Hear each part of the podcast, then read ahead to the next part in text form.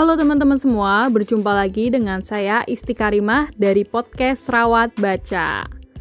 Nah, teman-teman, pada kesempatan kali ini saya ingin sharing lebih uh, panjang sedikit mengenai isi buku Rich Dad Poor Dad. Nah, ini adalah bercerai, uh, bukunya Robert T. Kiyosaki yang menceritakan mengenai dua ayahnya yaitu ada si ayah kaya dan juga ada si ayah miskin.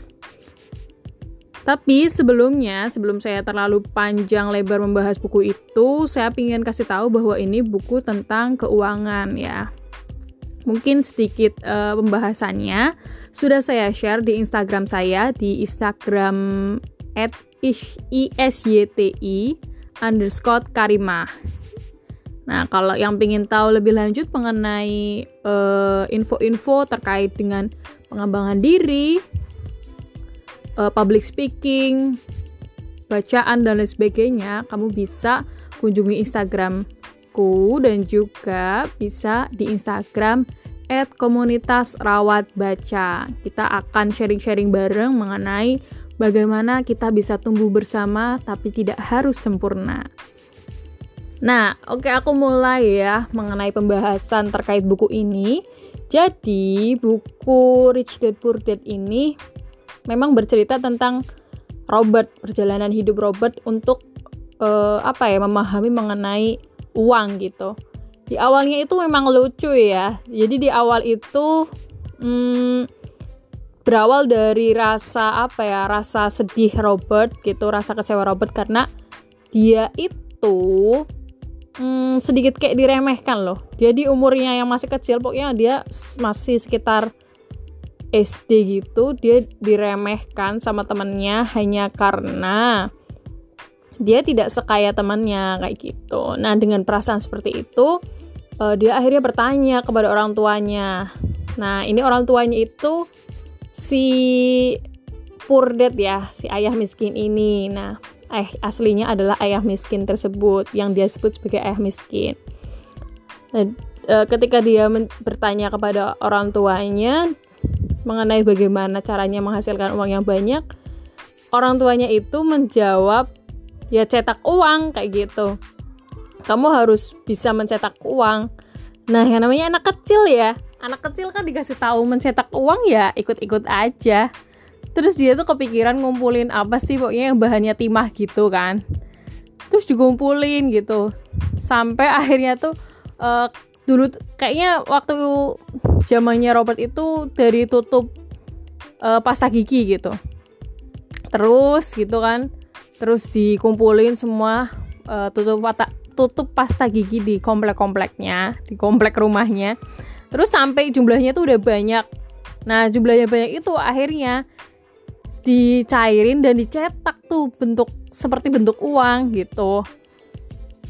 Nah orang tuanya lihat uh, anaknya kayak gitu tuh ya speechless gitu kan. Uh, terus kan uh, akhirnya dikasih tahu bahwa dikasih pengertian bahwa yang dimaksud mencetak uang itu bukan seperti itu tapi dengan bekerja kayak gitu. Terus akhirnya dia sedih dong karena proyek pertamanya itu gagal gitu kan proyek pertama untuk menghasilkan uangnya itu gagal yaitu mencetak uang tersebut. Nah akhirnya dia dan uh, Mike temannya yang dia sebut sebagai mitra gitu kan atau partner.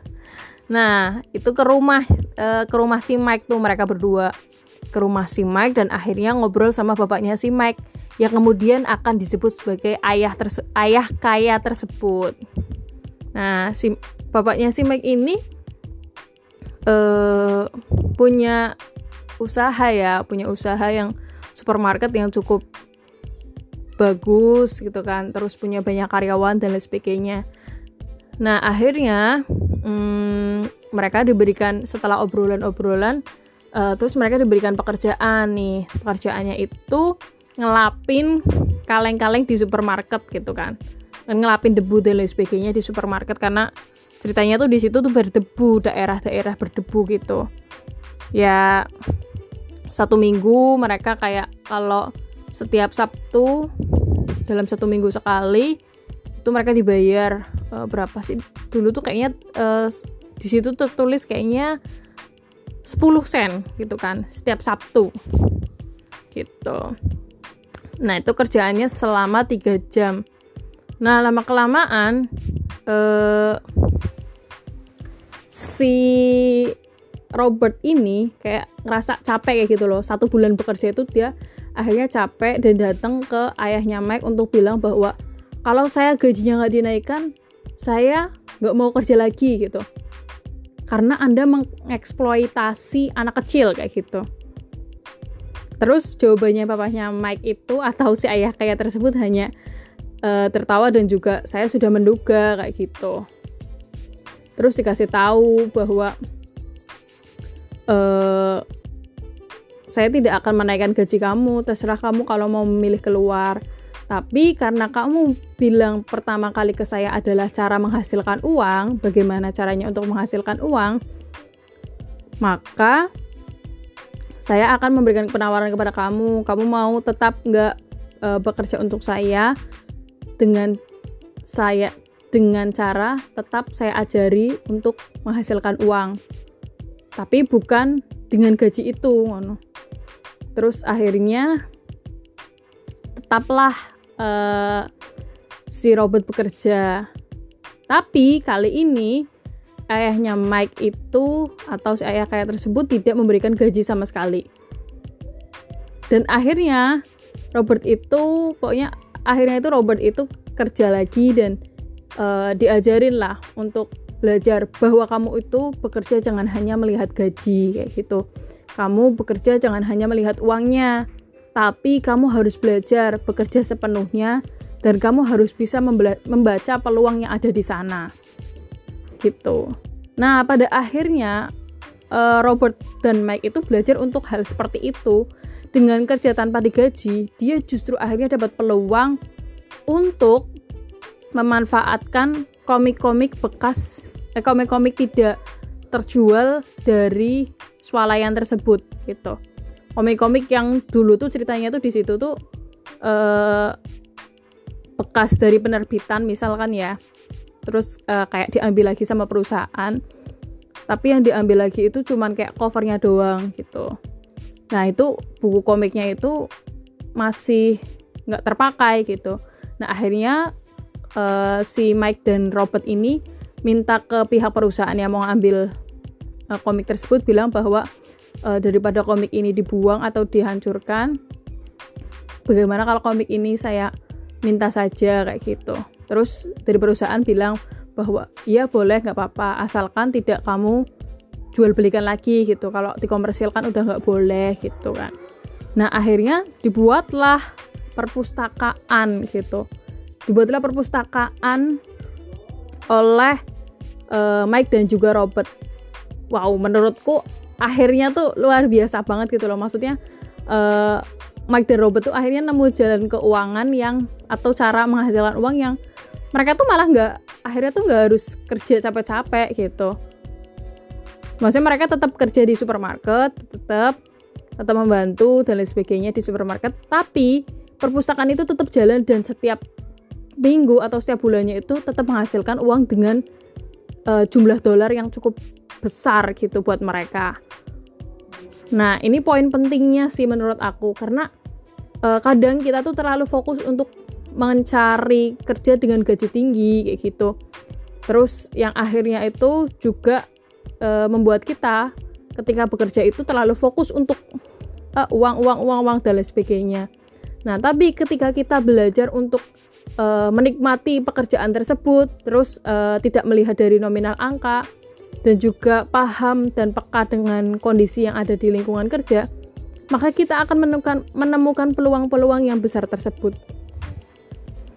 Nah, uh, yang lain lagi, menurutku yang uh, perlu teman-teman tahu dari buku Rich Dad Poor Dad ini adalah aku paling suka bagian uh, mindset mengenai aset dan juga liabilitas atau uh, bisa disebut kayak pengeluaran aja gitulah. Nah, ini sering terjadi bahwa kita tuh sering kali itu menggunakan emosi kita gitu ketika mengonsumsi sesuatu. Jadi kayak tiap gajian itu terus kayak uh, pengen beli ini pengen beli itu kayak gitu terus uh, ya udah sampai akhirnya tuh uangnya habis buat beli ini itu itu. Dan habis sudah. Dan kita tidak lupa eh, apa kita lupa untuk membuat aset gitu. Jadi ketika harusnya kan setiap ketika kita menerima gaji tidak hanya memikirkan e, pingin beli ini pingin beli itu. Tapi di awal kita sudah memikirkan oh ya kita harus e, melakukan atau memberikan sebagian e, hasil kerja kita ditaruh di aset kayak gitu. Bisa berupa reksadana bisa berupa emas bisa berupa e, kalau yang udah tingkatannya tinggi ya misal punya aset yaitu bentuknya rumah yang kemudian disewakan gitu. Bukan rumah yang terus ditinggalin sendiri. Kalau rumah ditinggalin sendiri itu kan uh, dia masuknya kayak liabilitas karena masih mempunyai pengeluaran kayak gitu. Nah, kalau teman-teman ingin tahu lebih lanjutnya seperti apa dan lain sebagainya, nanti mungkin bisa aku lanjutin ke part yang kedua ya. Nah, sampai jumpa.